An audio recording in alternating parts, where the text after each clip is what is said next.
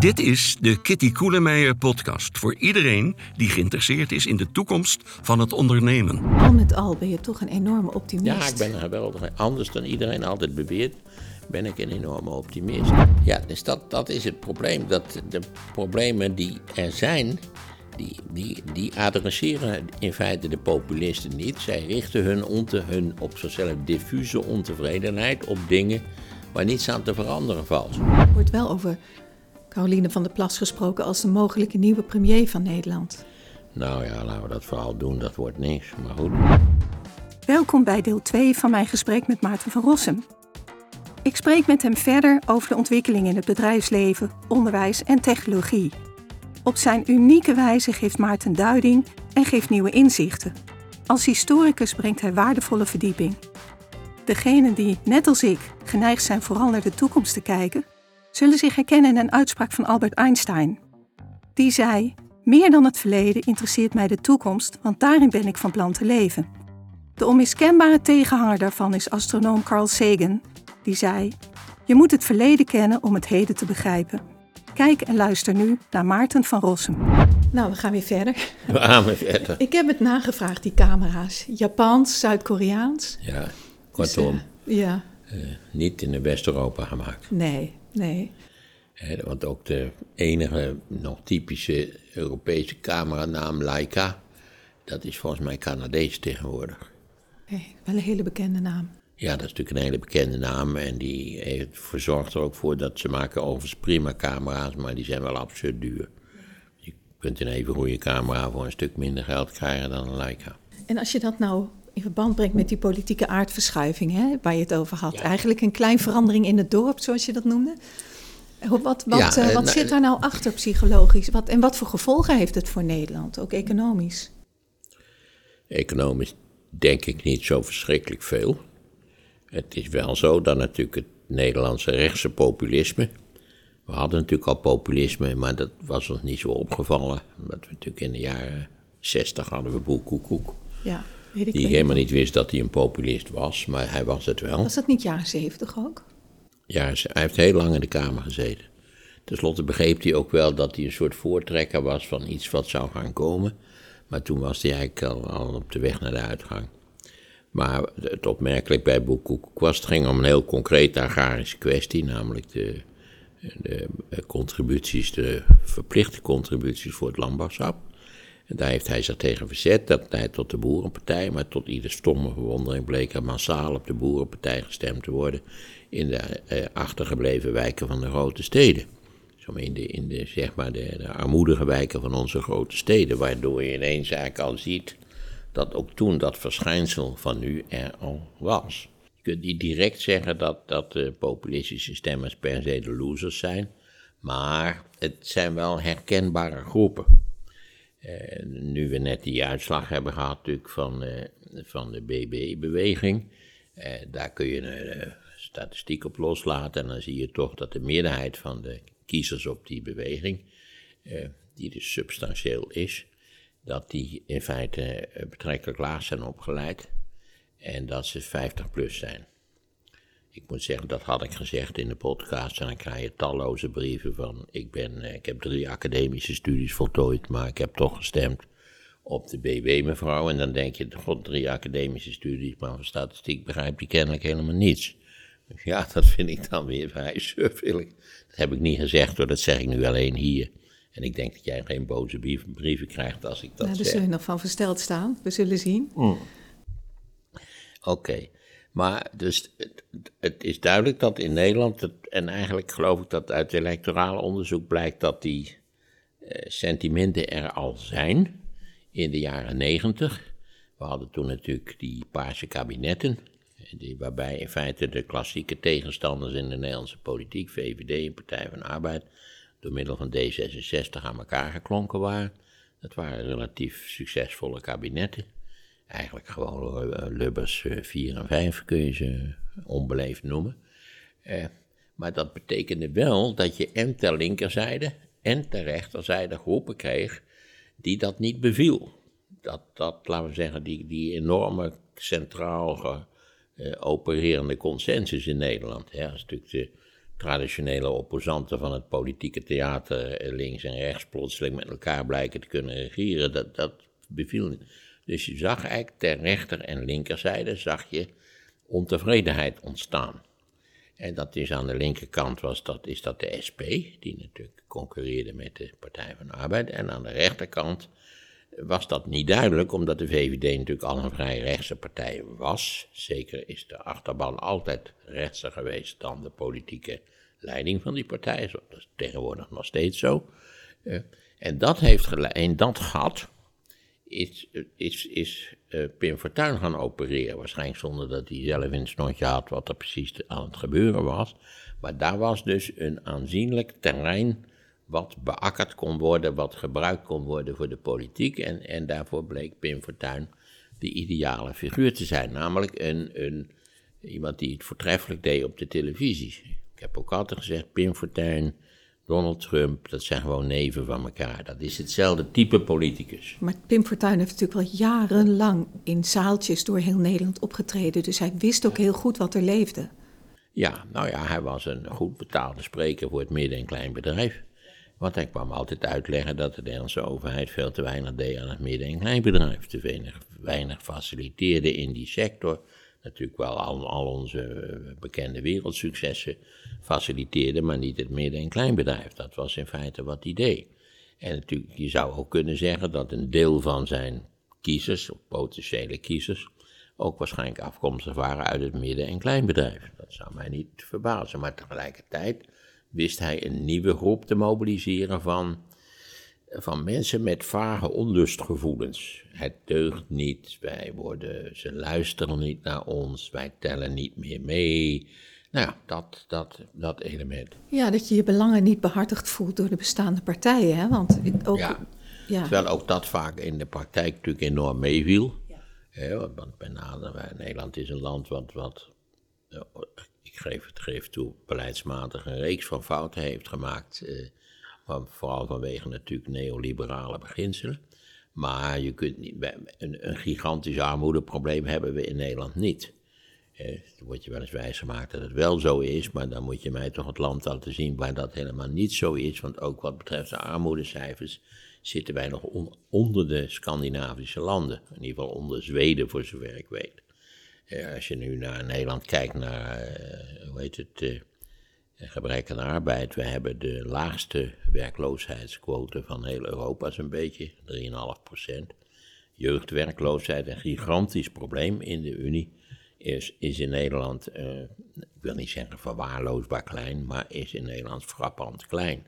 We hebben in feite een vrij goed draaiende economie in Nederland. Dat, dat valt simpelweg niet te ontkennen. Dat is niet de verdienste van de overheid natuurlijk, dat is de verdienste van allerlei structurele Maar goed, het gaat erom wat Fortuyn mobiliseerde een relatief grote groep van mensen die, die geteisterd werden door een vage ontevredenheid, waarbij één kernstuk is natuurlijk immigratie. Wat die immigranten, die, we zijn natuurlijk een immigratieland geworden, dat is zo klaar als een klontje, dat zullen we voorlopig ook wel blijven met alle problemen van dien. Want eigenlijk willen we niet, maar ze komen toch binnen, waardoor we een ongelofelijke chaos creëren. Eigenlijk beschamend is dat we dat doen, althans naar mijn idee. Uh, dus de immigratie werd gekoppeld aan die, aan die onlustgevoelens.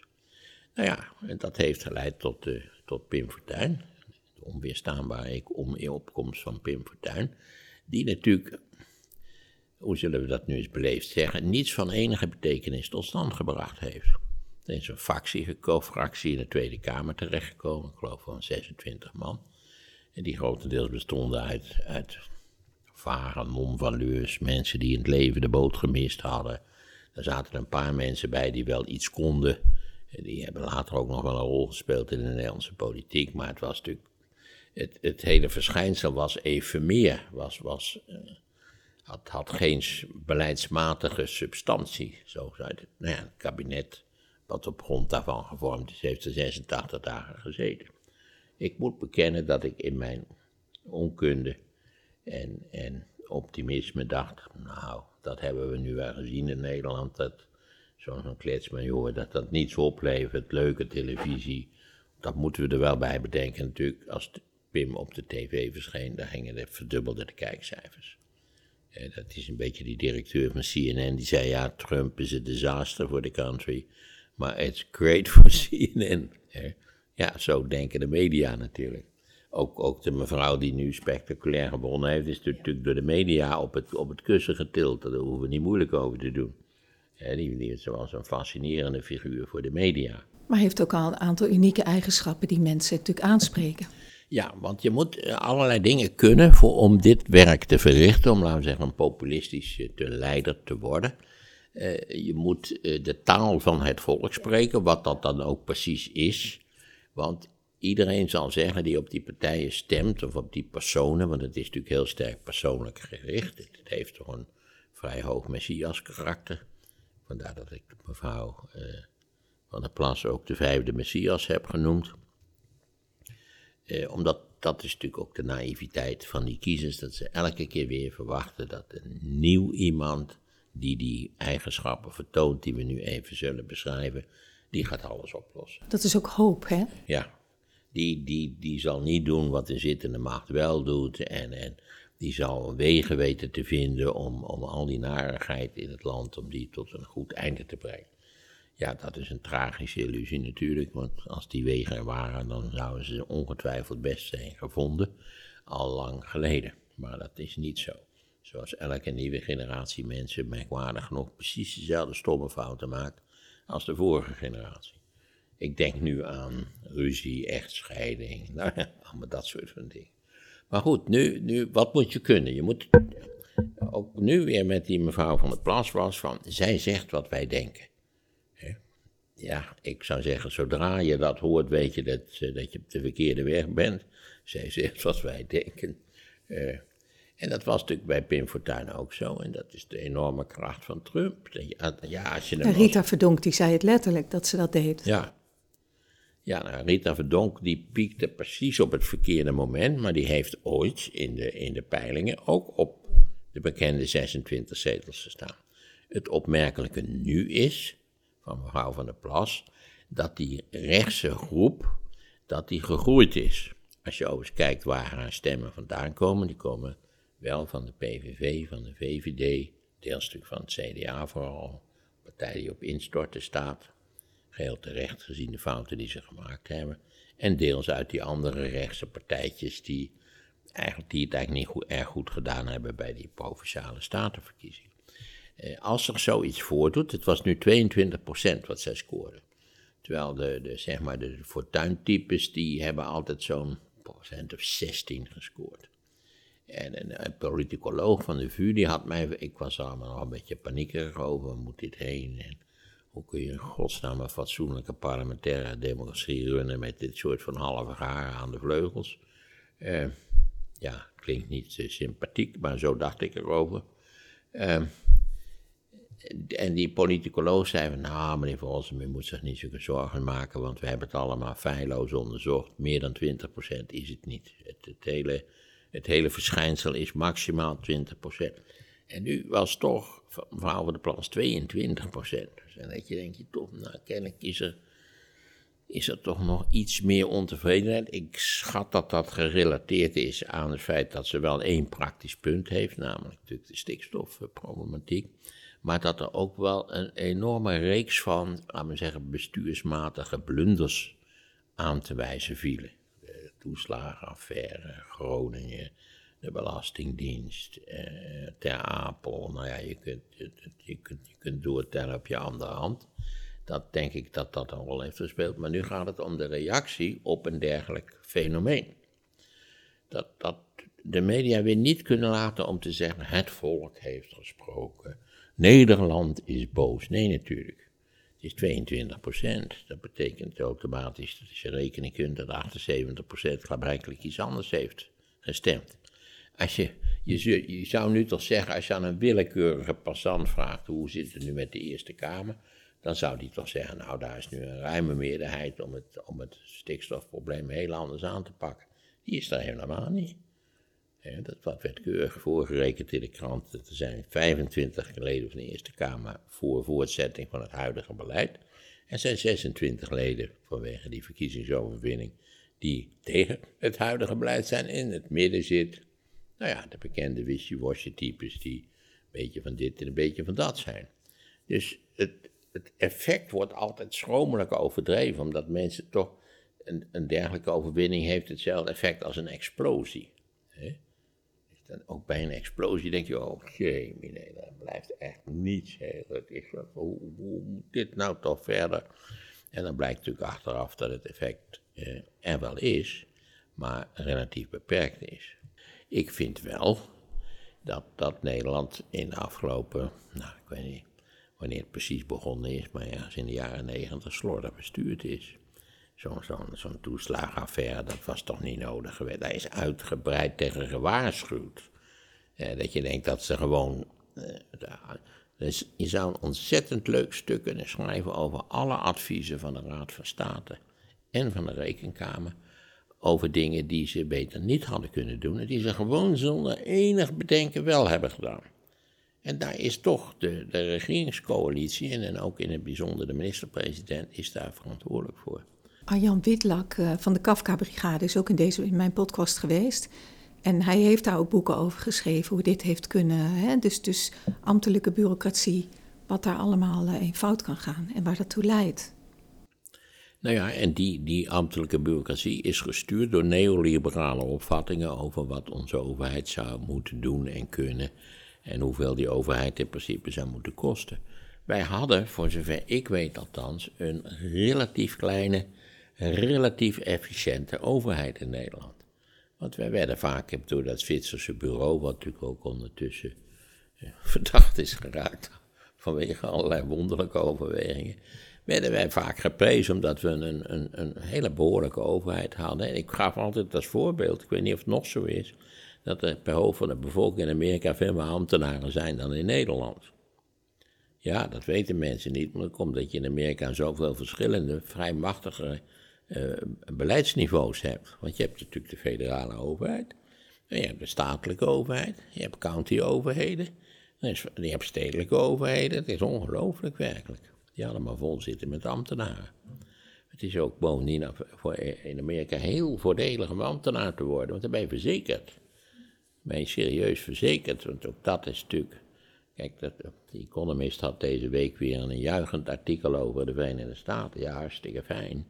Als je, als je aan de top zit, dan is Amerika een hartstikke fijn land. Maar het heeft natuurlijk een volstrekt dysfunctioneel politiek systeem. Maar je zegt dus eigenlijk, dit is een storm in een glas water. Je, je kan ook zeggen, het, het, het, signaleert iets. Het is toch een hele grote groep. En je, je moet daar dus rekening mee houden, je moet uh, aanpassen. Zeker. Maar laten we dan zeggen, het is een stormpje in een glas water. Nee, het is een storm in een glas water, maar het blijft toch wel een glas water. Want de vraag is hoe serieus je het precies moet nemen. Ja. Want de vraag is steeds, en dat is steeds geweest bij die populisten, wat is precies hun programma? Uiteindelijk moet je als politieke beweging een programma hebben. Je moet een idee hebben over hoe je het land gaat besturen, anders dan, dan als het bestuurd is. Maar dat blijken ze nooit te hebben, want als we nou even de, de populistische bewegingen nalopen in Nederland, dan zie je altijd dat het hoofdprogrammapunt betreft de immigratie, die moet, daar moet een eind aan worden gemaakt, of in ieder geval, ja, eigenlijk wel een eind aan worden gemaakt. Iedereen weet dat dat niet kan. Eh, hoe, zo oder zo, zoals onze oosterburen zeggen, zullen ze binnenkomen. Dat, dat kun je overal Of dat nu in Amerika is of in Europa. Dat, daar is heel, ja, of je moet je allemaal doodschieten, maar dat zijn we ook weer niet van plan. Dus we, we zitten op een ingewikkelde wip vanzelfsprekend. En voor de rest, kijk maar even, bij al die bewegingen moeten we direct de EU uit. Dat is natuurlijk van een zo ingrijpende stomzinnigheid. En liefst ook in combinatie met terug naar de gulden. Waarbij je ook wel eens denkt, lees eens een stukje hè, Economy 101. Uh, ja, het geen, hoe het precies, is, hoe het precies zit. En wat er met een gulden zou gebeuren die zelfstandig opereert op de internationale valutamarkt. Dat is een beetje grootheidswaanzin ja, om dat, te denken. Ja, dat gaat ons geld kosten als we dat zouden doen. En kortom, het, het, het programma, het, eh, laten we zeggen, de ontevredenheid richt zich op allerlei dingen die eigenlijk niet de diepe, sorry, diepere oorzaak van de ontevredenheid zijn.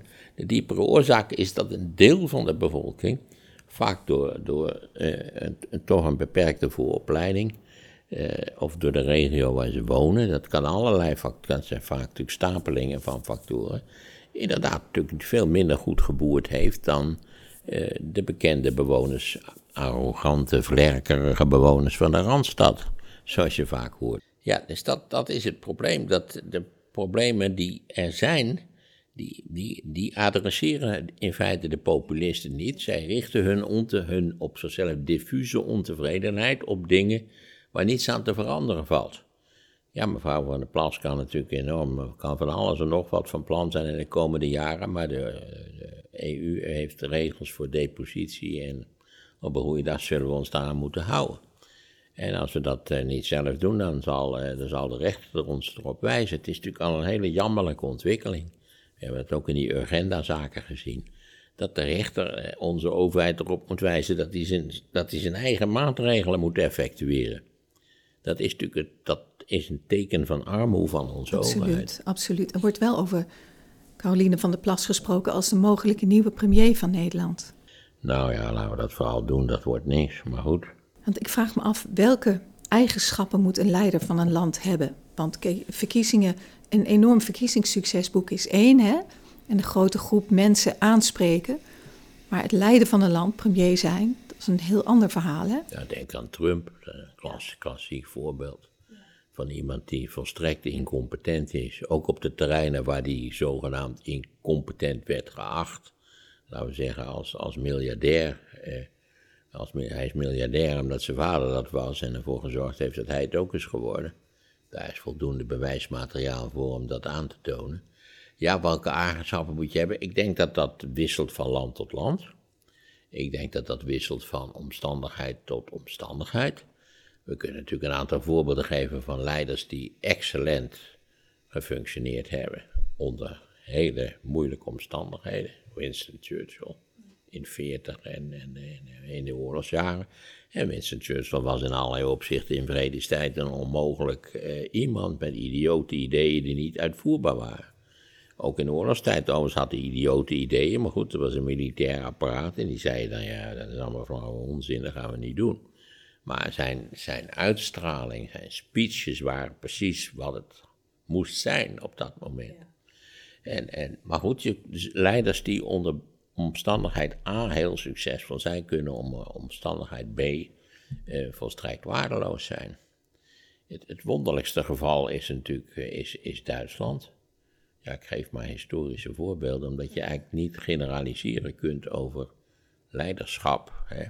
Vaak is het natuurlijk ook zo dat mensen die je er absoluut niet voor aan had gezien, voortreffelijke leiders blijken te zijn. Angela Merkel, een klassiek voorbeeld. Hè. Toen ze het werd, ja, zag niemand er eigenlijk veel bijzonders in, toch? Nee, klopt. Ja, maar een meetje zoals Kool zei, dus dat was al heel... Het zegt misschien meer over Kool, hè? Ja, dat zou je ook kunnen zeggen. Maar dat had hij vrij, verkeerd gezien, had hij dat. Maar. Eh, terwijl zij een, voor het moment en gezien de omstandigheden een perfecte leider was. Ook omdat ze verdomd intelligent was natuurlijk.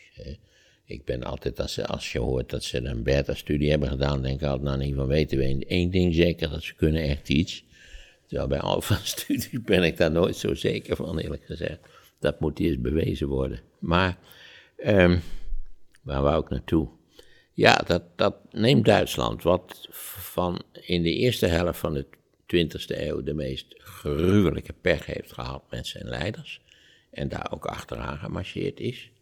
Je bent natuurlijk al gauw geneigd om, om, om, om, Hitler voor gek te verklaren en zo. Maar Hitler had natuurlijk een immens talent, namelijk dat hij in staat was om, om die teleurgestelde, boze natie, die door de eh, economische crisis wel bij uitstek was getroffen, nietwaar, om die een, een, een soort energie eh, te gunnen, te geven. Maar dat is toch, dat is toch een populist? en, en daar zit natuurlijk ook de angst. Hitler was bij uitstek een populist, ja. En daar zit de angst en bij. al die beloften en natuurlijk altijd dat vage gekletsen over de natie. Dat is naar mijn smaak ook, als ik een even een zijstap mag doen, is de grote kwetsbaarheid van China en Amerika dat het naties zijn. En dat betekent dat ze ook kwetsbaar zijn als ze verkeerde leiding hebben. En we hebben, zitten nou toevallig met die Biden een schat van een oude baas die het heel redelijk doet volgens traditionele regels. Maar we weten allemaal dat je in Amerika. Je hebt geen idee wat Amerika op gaat leveren de komende 10, 15 jaar. En dat kan Trump zijn, maar dat kunnen allerlei andere rebelrousers zijn die, waar, waar je denkt, hoe is het gods mogelijk? Net zo goed als ik Xi Jinping niet zie als iets wat de kracht van China zal vergroten, maar als iets wat de kracht van China zal verkleinen. omdat hij natuurlijk niet weg wil en tenslotte hij had nu natuurlijk al met dat, met dat COVID-beleid een gigantische zeper te pakken.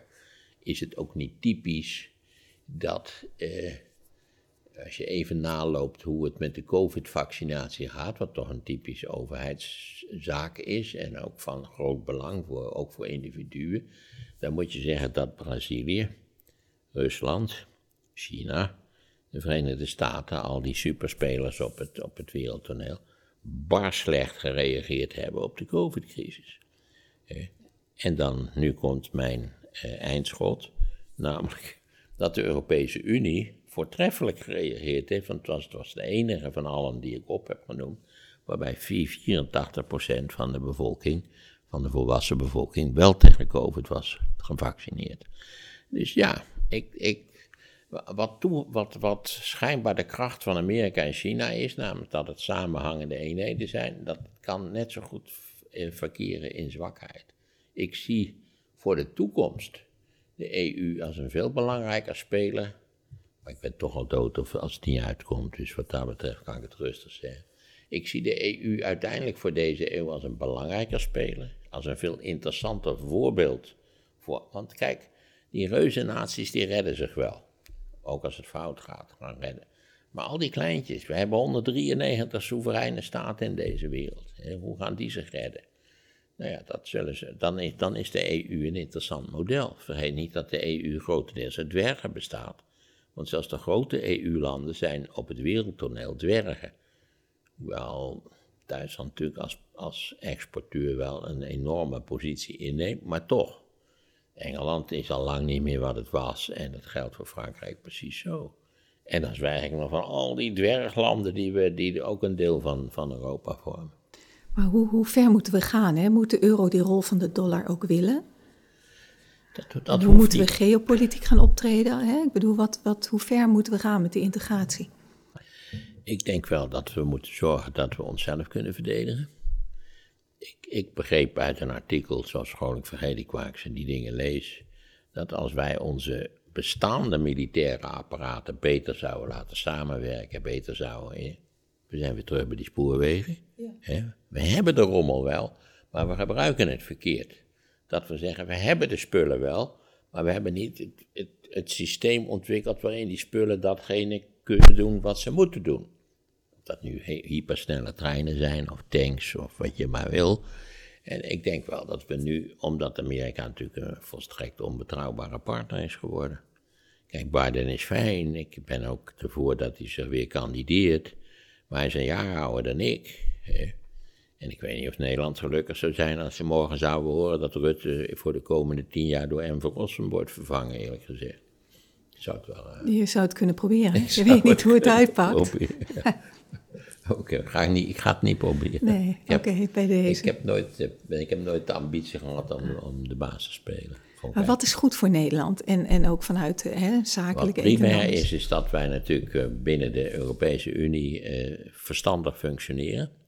Dat we ophouden met die verschrikkelijke kinderachtigheden, dat we er eigenlijk niet 100% voor zijn. En nou ja, vroeger dus schuilden we dan altijd achter de rug van Engeland, lekker de boel saboteren, want ja, we willen eigenlijk niet zo verschrikkelijk veel en het kost geld. En eh, dat zou toch ook nuttig zijn dat elke avond even voorgerekend werd wat de EU voor de Nederlandse burger gemiddeld oplevert. Hè? Wat het kost en wat het oplevert. Dat is een fors verschil. Uh, dus daar, daar zou ik erg voor zijn. Dat, uh, ik denk dat we nu vanwege de Oekraïne natuurlijk. Ik zie de Oekraïne, het is een ramp voor die Oekraïners, maar dat, dat en zeker als ze, als ze de, het leven bij inschieten, vanzelfsprekend. Je kunt wel, als het, stel voor dat het komt tot een eind van dat conflict, we weten niet hoe en wanneer, maar goed, als het tot het eind van het conflict komt en je pompt er voldoende geld in, dan is herstel in een relatief hoog tempo mogelijk. Ik bedoel historisch, niet in een week, hè, maar wel in tien jaar. Waarvoor ik altijd het voorbeeld geef van Duitsland tussen 45 en 55. Eh, als je verslagen ziet van Amerikaanse journalisten die in 45 na afloop van de oorlog Duitsland bezoeken, die zeggen, nou, dit is hopeloos. Dit, dit kan nooit meer hersteld worden. Dit is zo erg, dit is zo'n onbeschrijfelijke puinhoop dat dat... Eh, in 55 produceerde het westen van Duitsland, dus minus de, de DDR, minus de Sovjetzone, meer dan Duitsland ooit eerder geproduceerd had. Dat is dat Wirtschaftswunder, hè? Ja, dat is het wereldberoemde ja. Wirtschaftswunder. Ja. Dus dat kan, mits je het geld hebt, mits je het juiste beleid voert, mits je de personen hebt die, die laten we zeggen, al iets kunnen, dan kan dat. En daarbij komt, dan zijn we weer terug bij het leiderschap, zo, zo flitsen we heen en weer. Omdat Duitsland natuurlijk na de Tweede Wereldoorlog, na 45, werk uniek geboft heeft met zijn leiders. Eerst Adenauer, hè? een sympathieke, vriendelijke, maar heel efficiënt opererende Rijnlander, die niet veel moest hebben van het Pruisische Duitsland, die eigenlijk wel blij was dat die hele boel daar niet met die DDR op, in die DDR was opgeborgen. En wat nog verder oostelijk lag, hadden ze, waren ze kwijtgeraakt, natuurlijk, Silesië en, en een groot deel van Oost-Pruisen. Eh, toen kwam na Adenauer, heb je even een paar tussenpauzen, Eerhard en Kiezingen, dan moeten we, die slaan we even over voor het gemak. Die deed het ook niet geweldig goed, die waren ook weer snel weg. En toen kregen we Willy Brandt. En Willy Brandt was de, de ideale man op het moment dat Duitsland zich weer internationaal moest, moest eh, opstellen. En bovendien een relatie, doe ik het weer, een relatie moest opbouwen met Oost-Europa. En als symbool kun je zien niet waar, dat hij Warschau bezoekt en dat hij dan knielt. Fantastisch. Vervolgens deed hij, had hij pech en had hij een spion, bleek hij een spion in dienst te hebben. Maar Schmid was op zijn manier ook een voortreffelijke bondskanselier. En nu kom ik tot uh, wat iedereen denkt, uh, verwacht dat ik niet zal zeggen, maar Kool was op zijn manier, want ik heb een jaar in Duitsland gewoond, nou, uh, in, hoe heet het, Rijnland-Pals, waar Kool toen de minister-president was, maar dat was een jonge Kool. en toen, ik vond Kool wel zo'n sufkop, vreselijk gewoon. Ik dacht wel een typische Duitse middelmatige figuur is die Kool. Maar Kool heeft uiteindelijk precies op het juiste moment het juiste beleid gevoerd. Vervolgens had hij af moeten treden en moeten verdwijnen, maar hij is blijven zitten. Is dat zijn keus geweest of zijn adviseurs? Hè? Ik bedoel, hij doet dat natuurlijk niet helemaal alleen. Ja, uiteindelijk moet hij beslissen. Ja. Daarvoor bij de baas. Mm als hij had gezegd, nou, ik voel daar niet zoveel voor. Ik, ik, ja, ik moet toch heel terughoudend zijn met die DDR. En ik, wat voor zekerheden hebben wij eigenlijk? En die Russische troepen zijn er nog. En het is, gaat wel behoorlijk in de papieren lopen. Nou ja, hè, je kunt het je voorstellen. En hij dacht, terecht naar mijn idee, nu moet ik het doen. Want als het kan best zijn dat de Russen, als uh, Gorbachev verdwijnt, uh, de Russen denken, oh, we hebben spijt, dat is haar op ons hoofd, we, hebben dat, we hadden dat niet moeten doen. En dan kan het gewoon weer teruggedraaid worden, want die, die Russische troepen waren er nog. Die, zijn pas na jaren vertrokken. Daar was een ingewikkelde deal meegemaakt. Dus nee, ik denk dat Kool dat scherp gezien heeft, want vergeet niet, in de zomer van 91 was er die koep in Moskou. Die is mislukt, maar te worden die geslaagd was. En toen, toen had, had Kool al in begin 91 al de deals gesloten die noodzakelijk waren om de DDR in feite op te slokken. want er was natuurlijk een hele, er was nog een vrij brede stemming van moeten we niet eigenlijk een nieuwe Duitse staat vormen. met een nieuwe grondwet. Want de DDR is gewoon zo naar binnen gegaan en daar is niets uh, wezenlijks aan veranderd. En ook de goede dingen van de DDR zijn natuurlijk ook verdwenen, namelijk de gratis kindercrashes, de werkende vrouwen. En, ja, dat is ook zo gek. Dat, zelfs dat regime, dat ellendige regime, had zijn goede kant. Wie van al die leiders bewonder je nou persoonlijk het meest? Nou, Merkel natuurlijk. Ja.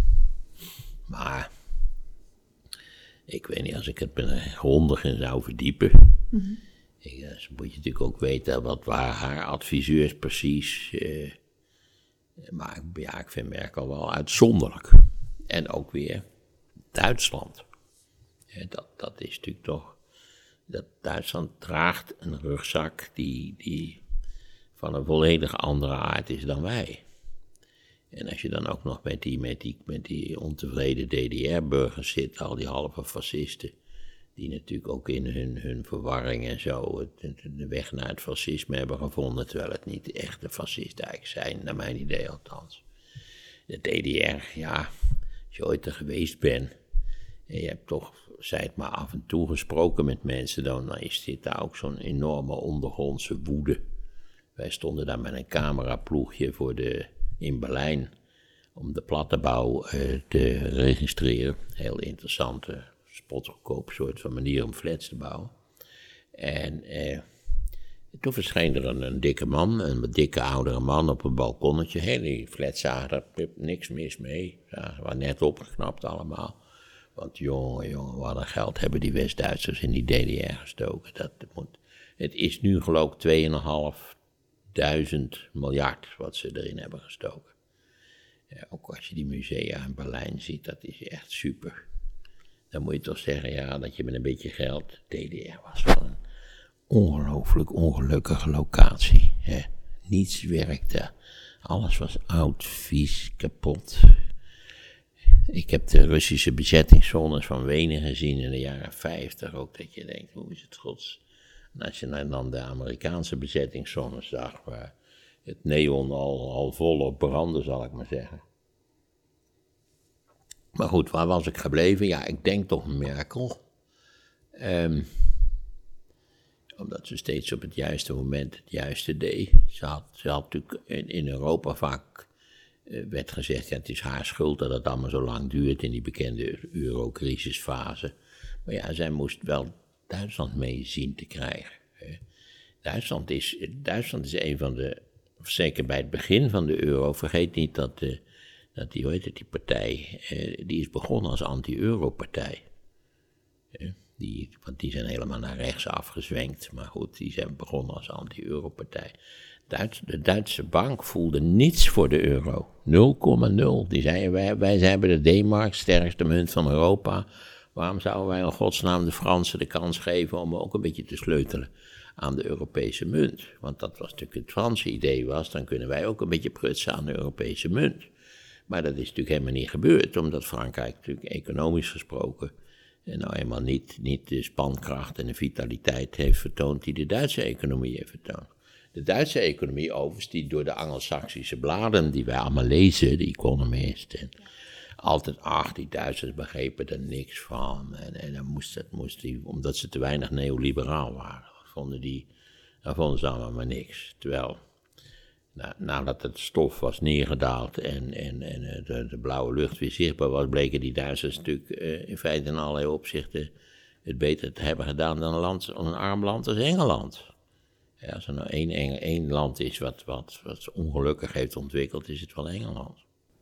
Ja, dat Hebben we iets... Uh... Nou, ik, ik, ik vroeg me af, hè. Ja. Heb je in Nederland nou ook zo iemand die je bewondert? Oh.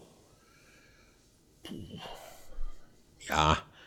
Uh, of uit het verleden? Ik denk dat iedereen wel, zeker als hij wat anekdotes heeft gelezen, uh, is, uh, zal van mening zijn dat, dat Drees een groot minister-president was. Ook heel streng. Hè? Dat ging daar streng toe. Ja, ik ga een voorbeelden geven, dat is vreedtijd namelijk. Ik denk dat Lubbers eh, zeker initieel het niet slecht gedaan heeft. Hij is veel te lang blijven zitten, naar mijn gevoel. Had na acht jaar gewoon op moeten krassen.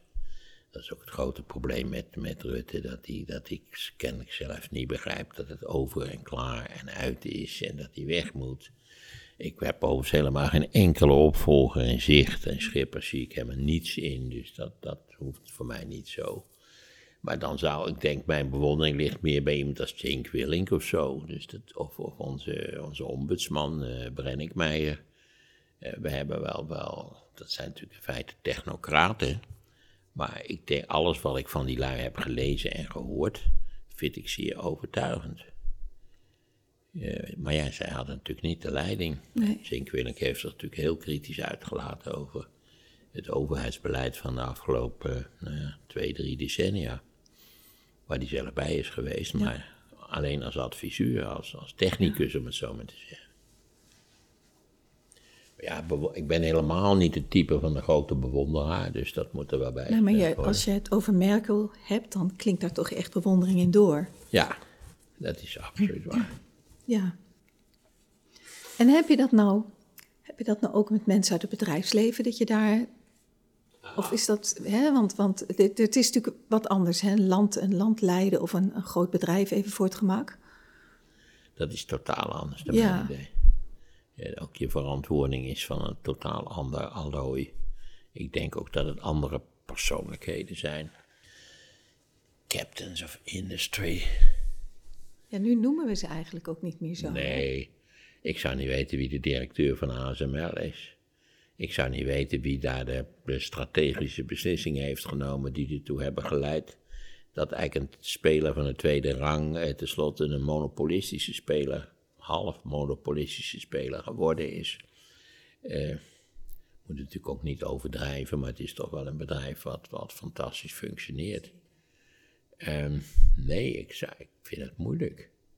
Ik zou er een studie van moeten maken. Je denkt natuurlijk bij Captains of Industry veel meer aan het industrialiserende Nederland van de late 19e en de vroege 20e eeuw, de verbeuningen en dat soort van lui. Uh, maar ik zou nu. Uh... Ja, betekent dat dat we nu gewoon een veel minder grote rol spelen? Hè? Want in die, in die hele digitale economie, hè, die informatieontwikkeling die we hebben gehad, dat, dat zou toch net zo'n omwenteling moeten geven als. Uh, ja, maar dat hebben we allemaal geleend natuurlijk. Ja, dus daar hebben ze toch niet Die, die spullen waren er in feite al. Ja. We zijn natuurlijk in allerlei opzichten softwarematig, en dat bedoel ik zowel metaforisch als letterlijk, zijn we afhankelijk van de Verenigde Staten. Of dat zo erg is, weet ik niet. We hebben eerst natuurlijk, ook hier geldt weer dat ik aanvankelijk enorm eh, ongerust was over Facebook. Ik bedoel, eh, ook je tante zaten allemaal op Facebook en tegelijkertijd bleek het een politiek gesproken levensgevaarlijk instrument te zijn van antisemitisme, ondermijning van de democratie en gaan ze maar door. En, en nu ben ik, ja, het schijnt dat de gebruikers van dit soort van systemen even makkelijk twee jaar later naar een ander systeem waaien. Ik heb er niks mee, maar dat, dat is. Ik heb geen behoefte aan dat type van communicatie. Ik, heb altijd, ik zeg tegen iedereen: maar is, is, is e-mail niet ruim voldoende? Maar dat is. Kennelijk is dat niet zo. Nee. Het is uiteindelijk een beperkt systeem. In de zin dat het uiteindelijk binnen, binnen de digitale wereld opereert. En we hebben natuurlijk tegenwoordig, geloven we heilig aan het feit dat de digitale wereld de ganse wereld omvat. Maar dat is helemaal niet waar natuurlijk. Het is een, het is een uitsnede uit de menselijke kennis die van immense omvang is. En, en voor zover ik weet heeft chat niet de flauwste esthetische benul. Uh, dus ja, uh, ja, chat gebruikt simpelweg de kennis die aanwezig is op het internet. Ik begrijp zelfs ook deels nationaal gestuurd. Dus als het chat in, in Amerika aan wordt gezet, dan gebruiken ze Amerikaans materiaal. Dat viel me in Oostenrijk al op. Dat ineens al die rare dingen die je, die je niet wil, dat die ineens Oostenrijks waren. Dus dat je ineens Oostenrijkse reclame zag. Maar nu nog, hè? Dat, dat, dat gaat natuurlijk in razend tempo, neemt die, die database, ik, wordt groter. Ik, want Chat had ook hele nuttige dingen gedaan. Ik, met name dat opvouwen van die eiwitten, dat, uh, waar we kennelijk hard aan gewerkt hadden, zonder veel resultaat. En Chat had daar niet zulke grote problemen mee.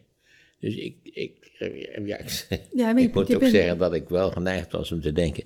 ik heb in mijn leven zoveel slechte scripties gelezen... Ja, maar dat, dat het wel een zegen is dat, de, dat Chat betere scripties schrijft, in feite. Ja, die teksten die zijn, ja. Die zijn, ja, die zijn echt heel erg goed. Ik uh, moet eerlijk zeggen, ik, ik heb dat ook gewoon hardop gezegd. Het varieert enorm. Er werden mij vanwege de, vanwege de podcast meerdere chatteksten toegestuurd...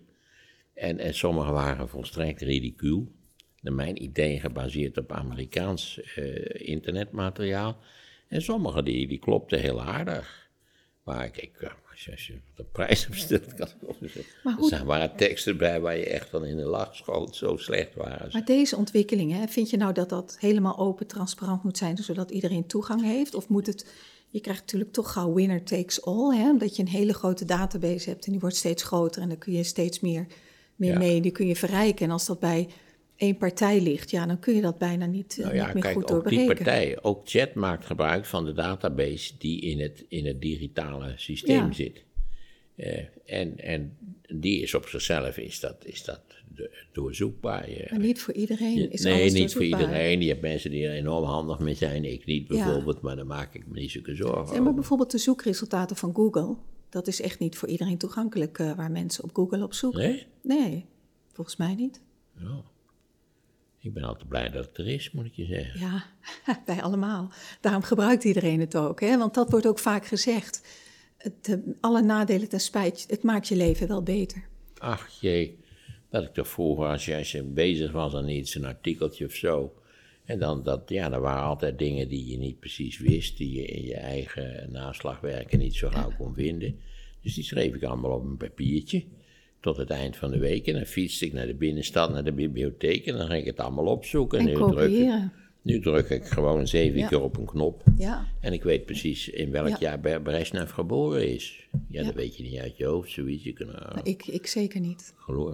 een schatting maken, maar Ja, ik weet in ieder geval wel het jaar dat hij, hij dood is gegaan. Maar geboren wist ik niet. Dus nee, ik, het is heel gek. Ik maak me daar... Hebben we ook niet al te veel hypes over, dit, over Ja, deze ook. wereld Tuurlijk. gehoord? tuurlijk. En we hadden in Nederland toch ooit zo'n, zo'n, zo'n, hoe heet zo'n wereld, zo'n, zo'n nepwereld. Waar je, waar Second je, Life. ja, Ja, maar dat, dat, is, dat was dan- niet dan- alleen dan- in Nederland. Hè? Dat was en na een paar jaar stort dat dan weer ja, in. maar nu, nu staat de metaverse staat voor de deur. Het zal nog wel een jaar of vijf tot tien duren. dat wordt niks. Waarom niet? Want die Zuckerberg, dat, dat is gewoon... Ik, wat, wat je, er was, dat is net als met die computerspelletjes die mijn kinderen en mijn kleinkinderen doen. Ik ben altijd verbaasd over het volstrekte infantilisme van die dingen. Ja, maar wat, er zijn spellen die zijn zeer realistisch en heel mooi vormgegeven. het- het is altijd schieten. Games. Ja, daar willen mensen. We kijken ook naar films waarin geschoten wordt. Ja, dat vind ik ook heel, heel wonderlijk. Hè. Ja. Ik ben ervan overtuigd, als we duizenden jaren verder zijn, dat, dat mensen zullen ja, wel rare films en het ging altijd over verdovende middelen en schieten en, en er zit wel erg veel sadisme in en ja, ik kom wel eens beneden van het werk en dan zit mijn vrouw naar een keurige crimi te kijken en dan denk ik, het is toch eigenlijk gek dat een ontzettend aardige bejaarde vrouw zit te kijken naar dit soort van rare gewelddadigheden die klaarblijkelijk als normaal worden beschouwd. Ik vind het vaak niet prettig om er naar te kijken. Nou, het wordt niet, niet ik, ik, ik ben geen psycholoog, hè, maar het, het, het, het, is, het wordt niet als normaal beschouwd. Maar het is juist het, het niet-normale wat veilig op afstand is. En waar je dan En- je en- angsten ja, mee kan En, bezweren. en natuurlijk, ja, iedere psycholoog zal zeggen, het gaat hier om symbolisch geweld. Het is geen Ja. echt geweld. En eigenlijk weten we allemaal wel dat het geen echt geweld is. En ik heb ook aan mijn eigen kinderen wel gemerkt dat ze eigenlijk al heel, heel jong begrijpen wat symbolisch geweld is en wat echt geweld is. Eh, een idioot verhaal van mijn zoon, als ik dat nog even mag vertellen. Zeker. Er was zo'n zo'n vliegtuig gekaapt. eh, wat in die, in die, we hebben zo'n kaaptijd gehad. En dat ding dat stond op, een, eh, op de luchthaven van Beirut. Op een apart plekje. En op een goed moment. eh, eh, ik denk dat mijn zoon een jaar vijf, zes was of zo. Hadden ze, om, om even te laten merken dat ze kwaadwillend waren, hadden ze de, de duim van de piloot afgesneden, de kapers. En die hadden ze naar buiten gegooid. En de camera zoomde in op die duim. En mijn zoon, eh, die zei, papa, is die, is, is die echt die duim? Ik zei, ja, die duim is echt, nou, dan was die. Hè. Dus hij had, had de meest verschrikkelijke scènes al lang een keer gezien, maar het feit dat die duim echt afgesneden was en daar lag, nietwaar, op die. Dat, dus hij, hij begreep precies dat, dat, dat dit heel onaangenaam was. Ja, het was zeer symbolisch, maar het Ja. was echt. Ja. Precies, dat, dat was Ja. het. Dus ja, ik, ik moet ik me er zorgen over maken. Nee, als je natuurlijk ergens zorgen over maakt, dan, dan zou het zijn over natuurlijk de planeetopwarming. En, en ach, die, die software. Want dat, die hele boel daar in, in, in Cupertino, en of althans die, als je daar ooit geweest bent, ziet er ook weinig fantasievol uit allemaal, behalve dat Apple-centrum, zal ik maar zeggen. Ehm, Circle, dat gebouw. de, de interessantste ontwikkeling, denk ik, van na de oorlog is toch dat we, dat we planetair denken. Dat, we al, dat ook ons nieuws is planetair. Als er een verschrikkelijke vulkaan uitbarst op de Tonga-eilanden, Vroeger was dat helemaal geen nieuws in Nederland. We wisten geloof ik niet eens dat er vulkanen waren, bij wijze van spreken. En tegenwoordig is dat wereldnieuws. Waar dat ding is en hoe het komt. En nou, gaan ze maar door. En, en omdat we, we zijn ook zorgelijker gestemd, omdat we planetair denken. dat je ook weet dat het Amazone-oerwoud in hoog tempo omgehaakt wordt. Dat, dat er in Afrika natuurlijk gigantische, gruwelijke verwoestingen worden, worden aangericht. En, en dat zal ook tenslotte leiden tot planetaire maatregelen, lijkt mij. we dachten, we zijn natuurlijk. God, Nederland dacht enorm. Nederland was in de jaren 50 een piepklein, door Drees gerund gemeentetje. Daar kwam het eigenlijk op neer. Er werd ook eens van Drees gezegd: het is eigenlijk de wethouder van Europa. He, zo, zo. Drees had ook niet zoveel met Europa bijvoorbeeld. En hij vond die militaire inspanning van de NATO ook maar, ja, je moest mee met die Amerikanen, maar het was allemaal wel zonde van de cent eigenlijk. En, en, in dat opzicht is de wereld grondig en totaal veranderd. Het is het bekende symbolische beeld, eh, eh, wat volgens mij heeft Al Gore, ja, laat ik ook eens iets positiefs over Al Gore zeggen, ooit voorgesteld om een stationaire satelliet eh, in een baan om de aarde te brengen, zodat je altijd op je computer door een druk op de knop de planeet aarde ziet hangen.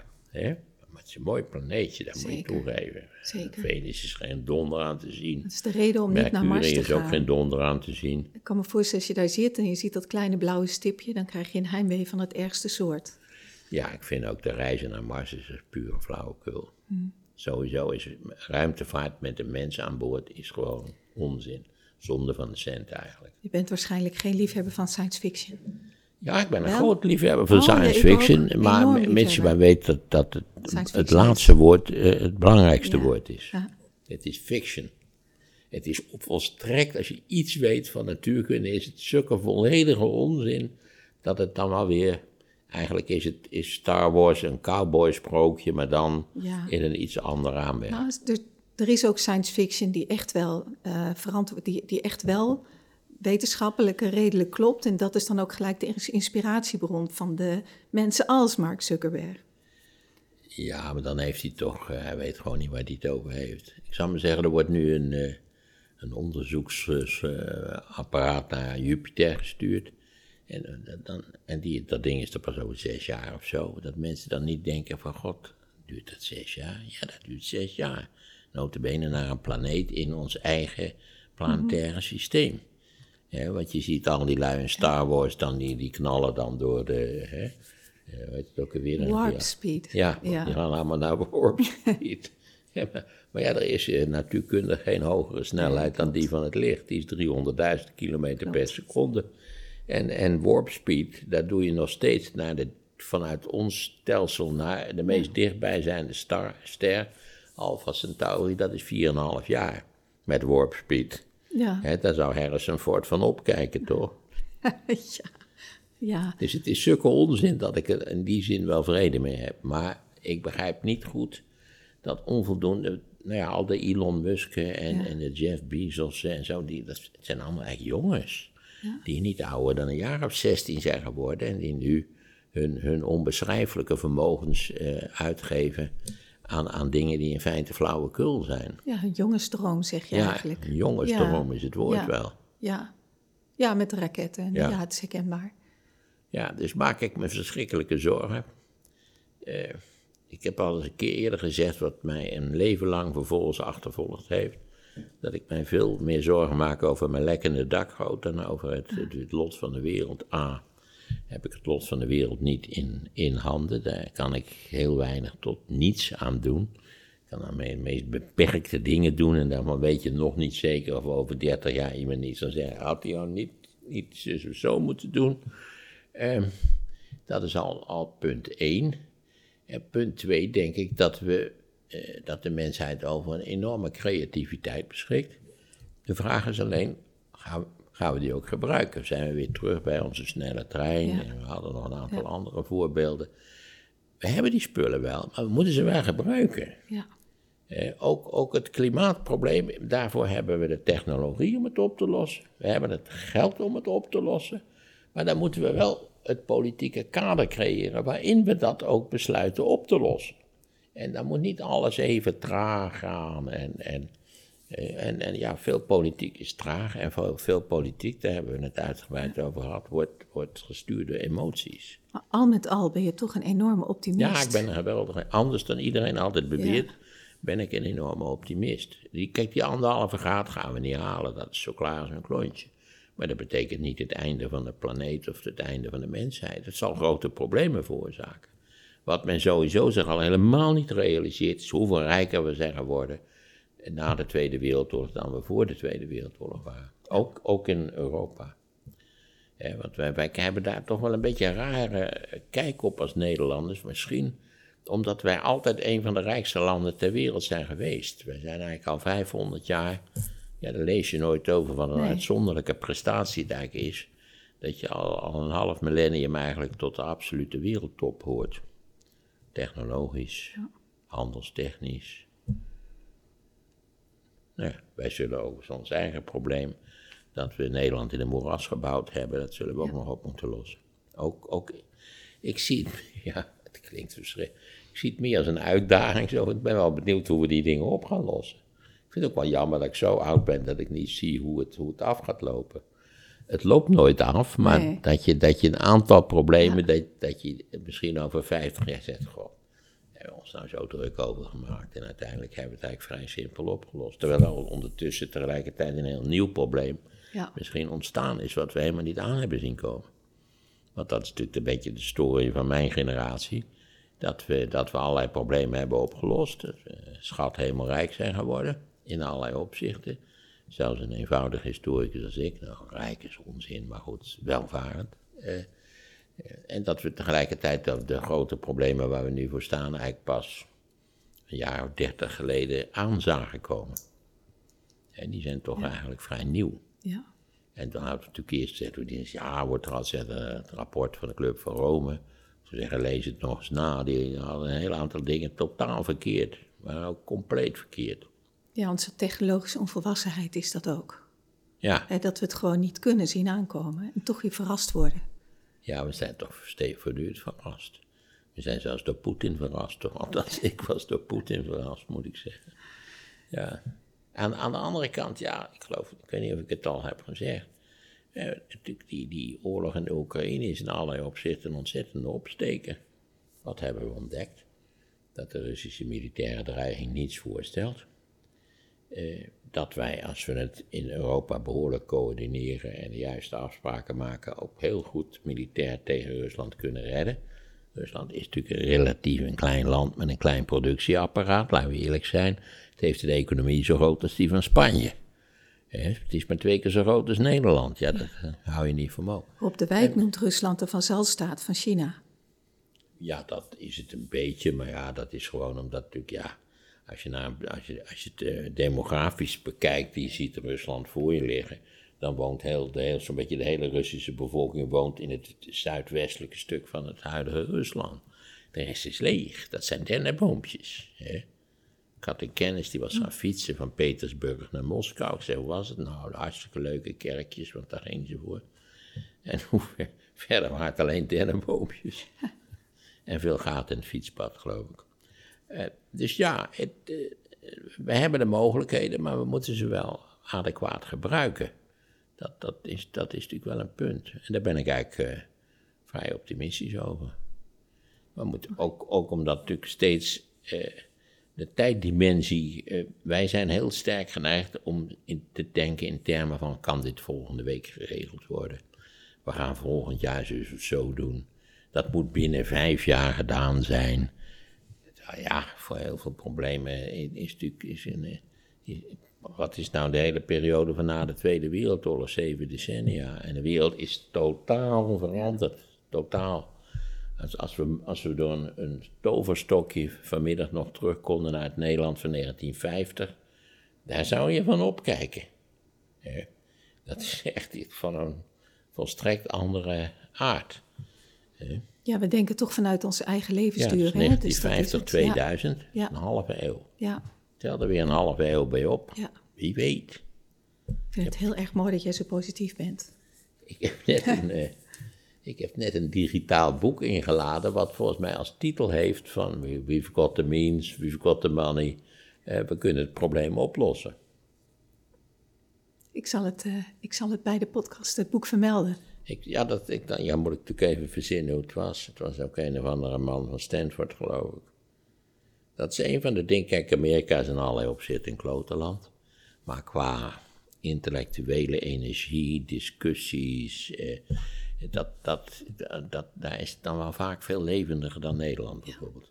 In die, in die Ja, al wil ik ja. Nederland bepaald niet weggooien. Nederland is toch wel, eh, even afgezien van onze, onze populistische uitwassen, die ik wel begrijp, maar die bepaald geen bijdrage leveren aan de oplossing van welk probleem dan ook maar, eh, is Nederland natuurlijk wel een fantastisch land, toch? Ja, maar mijn vader zei dat altijd. En ik denk dat hij, dat hij daar helemaal gelijk ja, in had. ja, ik, ik, heb ook, ik ben helemaal niet religieus, maar ik moest elke Nederlander, als die wakker is geworden, s ochtends even op die knietjes, dan dank u wel dat ik niet in Oeganda ben geboren, in, in buiten Mongolië, weet ik veel waar. Hè. Nou ja, je hebt dat boek van die, van die, eh, van die, eh, van die Zweed, Rosling. Heb je dat eh, gezien? Nee, Factualness heet het. Factfulness heet het. ik heb er wel over gehoord, nou je dit zegt. Het is de moeite waard. Oké, Je kijkt ervan op. nou interessant. Daar heb ik dat Ja. voorbeeld van, van dat de levensverwachting van mannen wereld, wereldwijd gemiddeld 70 is. Toch eh, best hoog in is. Nederland, in, wij hadden in Nederland in 1950 niet eens voor Nee. de mannen een, een Nee. levensverwachting van 70. Zat er net iets onder. ik Denk vind aan het mij. best hoog. Gemiddeld. Ik word 80 dit jaar als alles naar wens verloopt. Dus ik dacht, ik reken eens, kijk eens even hoe het met de statistiek gesteld is in, in een geval als het mijne. Ik heb nog een kleine 10 jaar te gaan, statistisch. Omdat je al bijna 80 bent. Ja, dat, dat is natuurlijk zo. Ja, Maar ik wil maar zeggen, dat is toch een hele tijd toch nog. absoluut. Weliswaar ben ik dan natuurlijk verder afgetakeld, maar dat is niet zo erg. Ik hoop het niet. Nou, ik hoop vooral dat je, dat je toch nog een klein beetje ziet wat er wereldwijd gaande is. Al denk ik dat heel veel mensen, dat valt mij wel op, heel veel mensen maken zich zorgen over de wereld, vreselijke zorgen. Waarbij ik toch moet zeggen, je kunt er bar weinig aan doen. Je kunt er bij nette partijen stemmen, je kunt dus een tientje aan, aan, mooie organisaties sturen, desnoods nog meer. Je kunt vezelrijker gaan eten, je kunt van allerlei mooie dingen doen, maar in feite is je bijdrage natuurlijk minimaal klein. En voor de echte zorgelijken, die er echt last van hebben volgens mij, want eh, ja, je hoort dat toch regelmatig, is hou op met het nieuws te volgen. Kijk gewoon niet. Ja, dat schijnt heel goed te zijn Ja, voor mensen als je dat, dat niet mensen meer doet. Geestelijk helemaal tot rust Ja, komen. ja, goed advies dan. Ik kan, je- kan je ook nog een boekje sturen wat heel geestig is. Laat zien dat je op moet houden met het nieuws te volgen. Ja. Heel leuk boekje. Dus het is een, een wereldwijd probleem. Ja. De 24-7 lawine van ellende, want dat is het. Misschien Ja. moeten we daarmee afsluiten. Ja. Ehm, nieuws is slecht nieuws. Nieuws is per definitie slecht nieuws. Al het goede nieuws komt pas veel en veel later. Met een enkele ludieke Ja. ja. Ik, had, ik heb nog een tip voor mensen die somber gestemd zijn. Ik, ik was een tijdje door omstandigheden geabonneerd op het tijdschrift De Ingenieur. Dat is tegenwoordig dat is ook goed, heel goed te volgen voor mensen die geen ingenieurs zijn, zal ik nou maar zeggen. En een fraai geïllustreerd maandblad. En elke, elke maand bladerde ik door en keek en ik dat is toch ongelooflijk. De menselijke inventiviteit. En veel dingen die, sommige dingen komen wel in de krant, maar ook veel dingen die niet in de krant komen. En je denkt, ja, hoe is het mogelijk? Daar zouden mensen ook eens iets over moeten lezen. Ja, en de Goed Nieuws Show. Ja. En als ze dan moeten kiezen, kiezen ze toch voor het andere nieuws. Ja, waarschijnlijk wel. Ja, dat is opwinding, dood, ellende, ongeluk. nou ja, gaan ze maar door. ja. ja. Ja, ook vaak allemaal statistisch. Dat, mensen zouden ook verstandig aan doen om een, een minimaal kort cursusje statistiek te volgen. Daar ben ik wel erg Ja, voor. dat ben ik heel met je eens. Eh, cijfers zijn toch vaak heel leerzaam.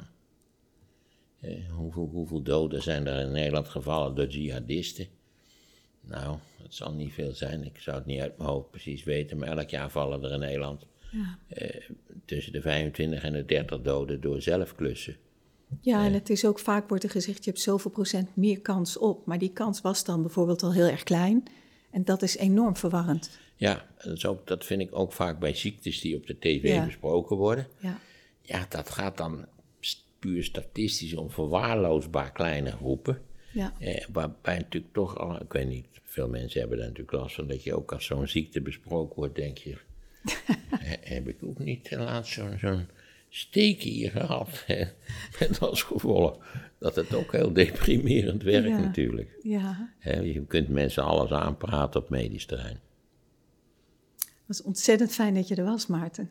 Dank je wel voor je komst. Ja, ik doe het graag. Ja. Ik ga even kijken hoe lang de taxichauffeur als dat er was. Ja, Oh jeetje. Oh, oh, oh, oh. die Zal wacht al even, hè? Ik zal hem even bellen. Dit was de Kitty Koelemeijer podcast. Als je dit gesprek interessant vindt en vaker dit soort gesprekken wilt zien of horen, druk dan op die bekende knop. Want dan weet je één ding zeker: de podcast van Kitty wordt vervolgd.